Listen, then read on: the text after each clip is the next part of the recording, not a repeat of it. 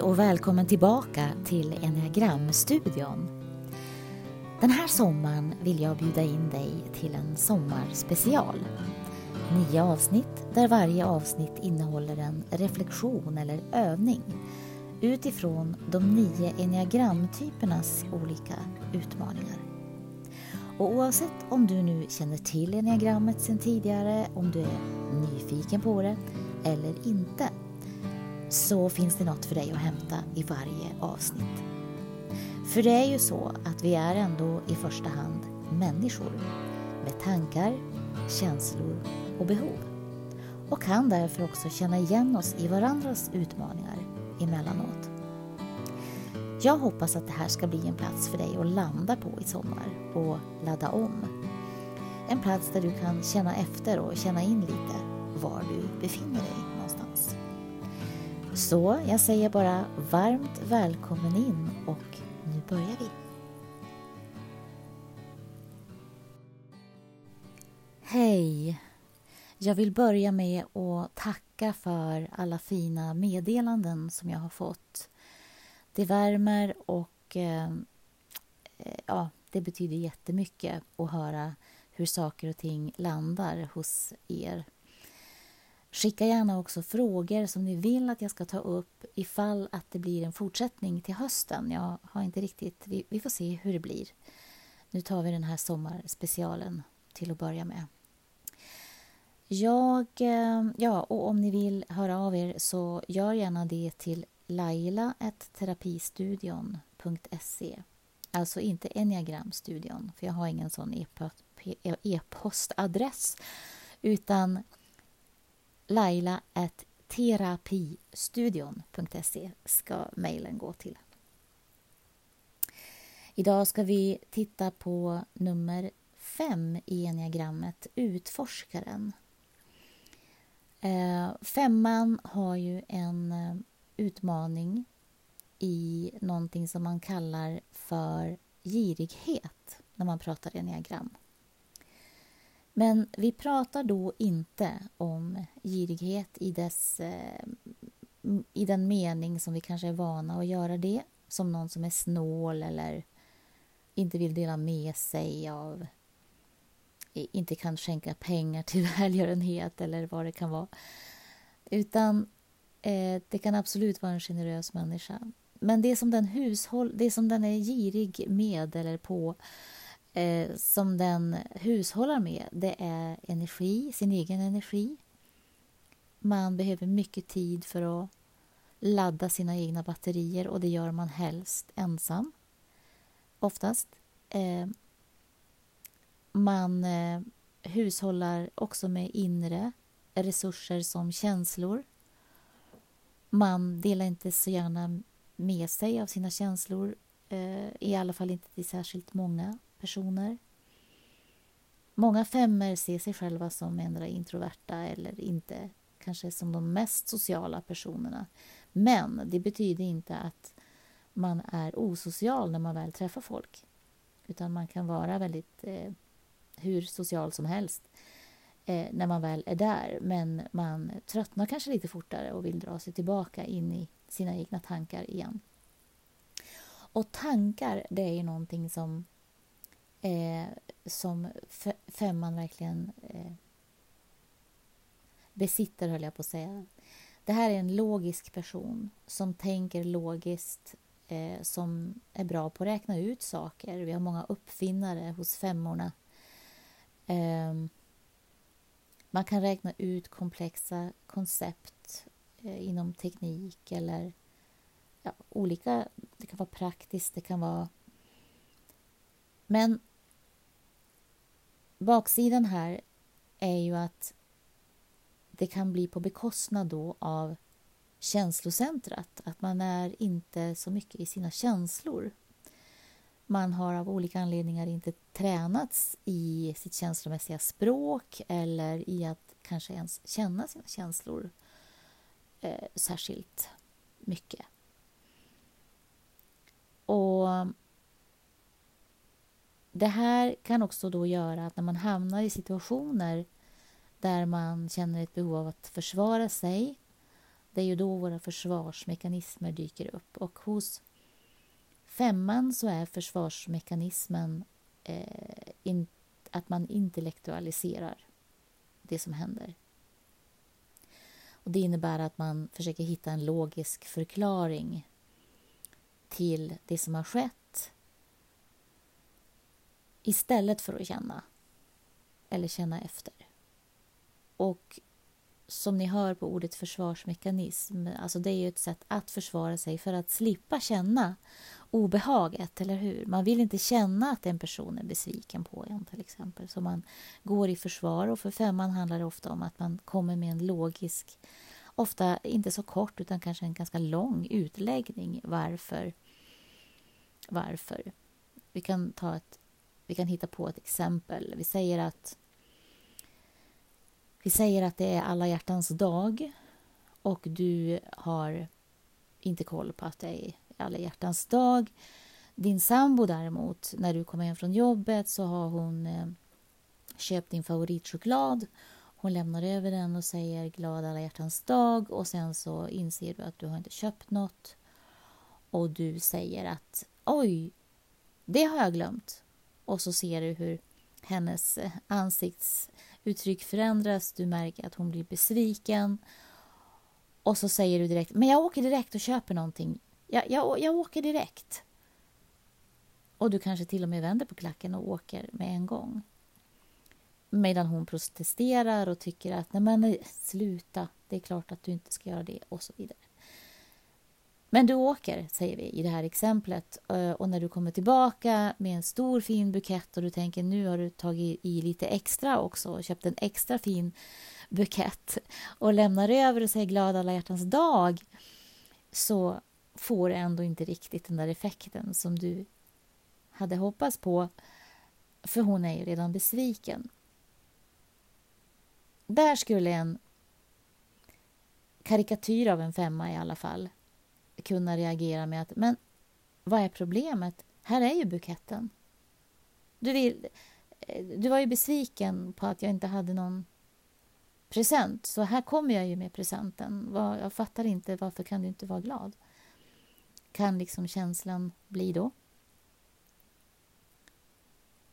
Men här kan jag ju då eh, flika in att om det här hade varit en parterapisession så hade vi då fått prata om det här att hennes besvikelse var förmodligen inte i första hand på att hon inte fick en blombukett eller en present och presenten i sig utan det var ju det här att du skulle komma ihåg det eh, och det är tanken ändå som räknas. Ja, men vad skulle man ha gjort då, då när man har glömt det?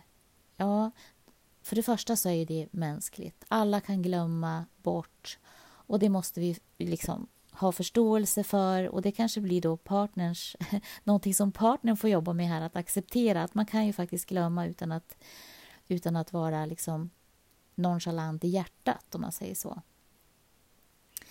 Men om vi fick spola tillbaka till den här händelsen när du kommer hem så skulle ett bättre sätt då och ett mera känslosamt sätt i positiv bemärkelse eh, mer empatiskt sätt att bemöta henne har varit att när hon då sa, när du då märkte att hon blev besviken att du inte hade någonting till henne så skulle du kanske istället för att säga att ah, jag åker och köper en bukett stannat upp först och främst sagt ah nej just det. Ah vad dumt. Det var ju, det var ju jätteklantigt av mig jag är ledsen. Och så invänta och se vad det får för, för, för betydelse. Om hon fortfarande är ledsen så kanske du skulle då säga jag förstår att det här blev jättetrist för dig. För att det hade ju varit så mysigt för dig om jag hade kommit ihåg det och det var ju jättedumt och du hade ju köpt choklad till mig. Och... Så att man, man stannar liksom kvar på det där steget lite längre. Och det viktigaste är inte orden utan det viktigaste är att man stannar och liksom ser till att det här äh, jag bryr mig om att du blev ledsen äh, att det äh, verkligen kommer fram. Så att man ser hos sin partner att nu har min ursäkt och mitt in, eller framförallt min, mitt, mitt inkännande gått in och gått hem. Då, efter det, så kanske man kan säga, ja men ska jag åka och köpa något kanske? Och faller det inte i god jord, så skit i det då och bara gör det bästa av kvällen därifrån och framåt.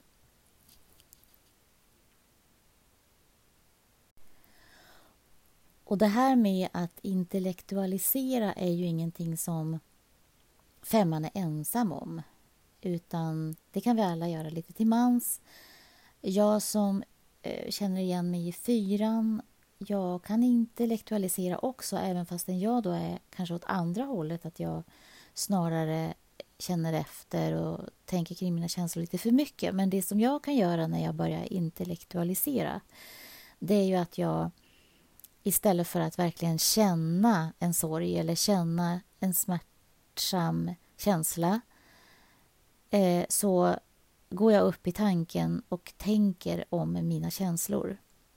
Ja, men nu känner jag ju så här och då blir det så här och sen kanske jag ska göra så här istället och så gör jag så här.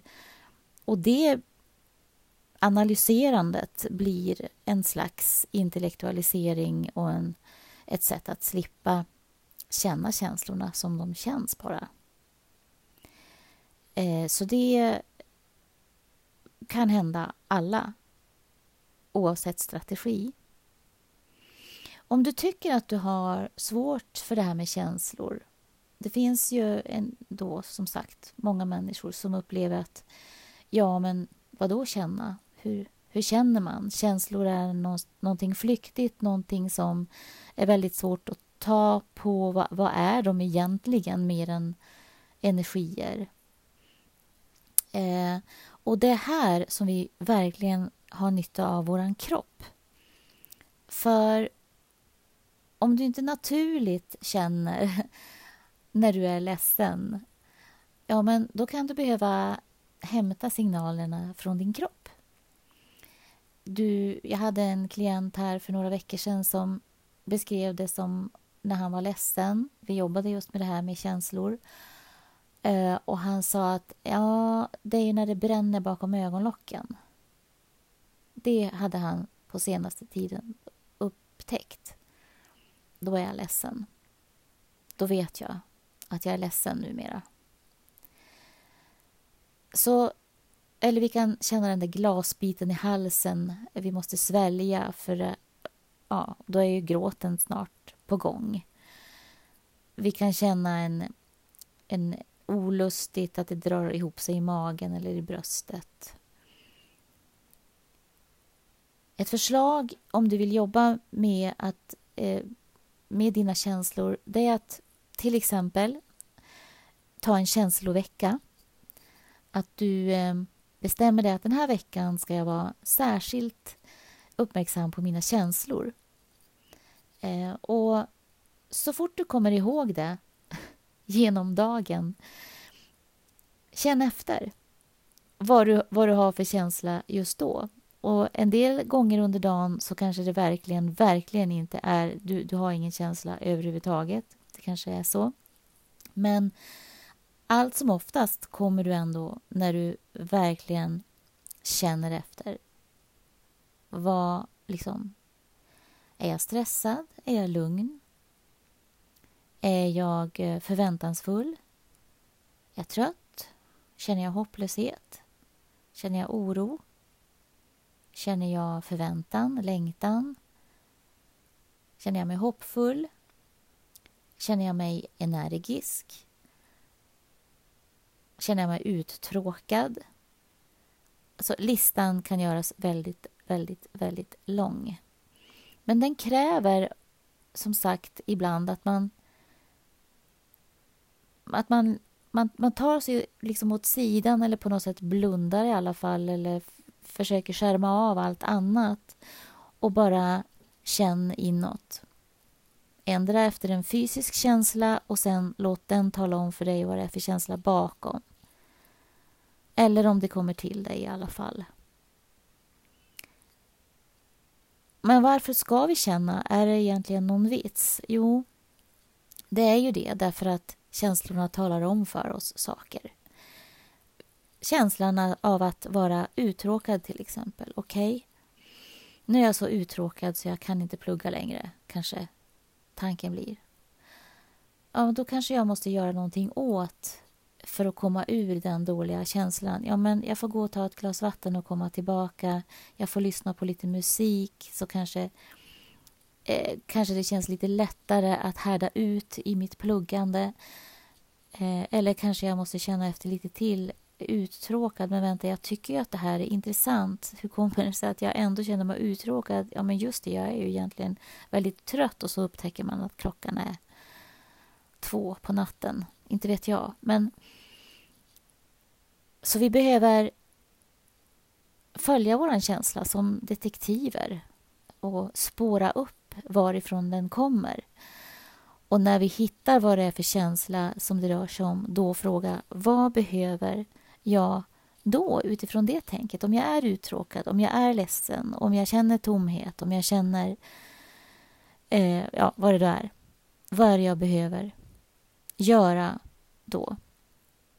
Är det en positiv känsla då kanske jag bara ska uppmärksamma att ah, jag, jag mår ju faktiskt väldigt bra. Jag mår ju faktiskt mycket bättre än vad jag gjorde igår. Det kan ju vara jättefint att få konstatera det för sig själv och kunna känna tacksamhet för det.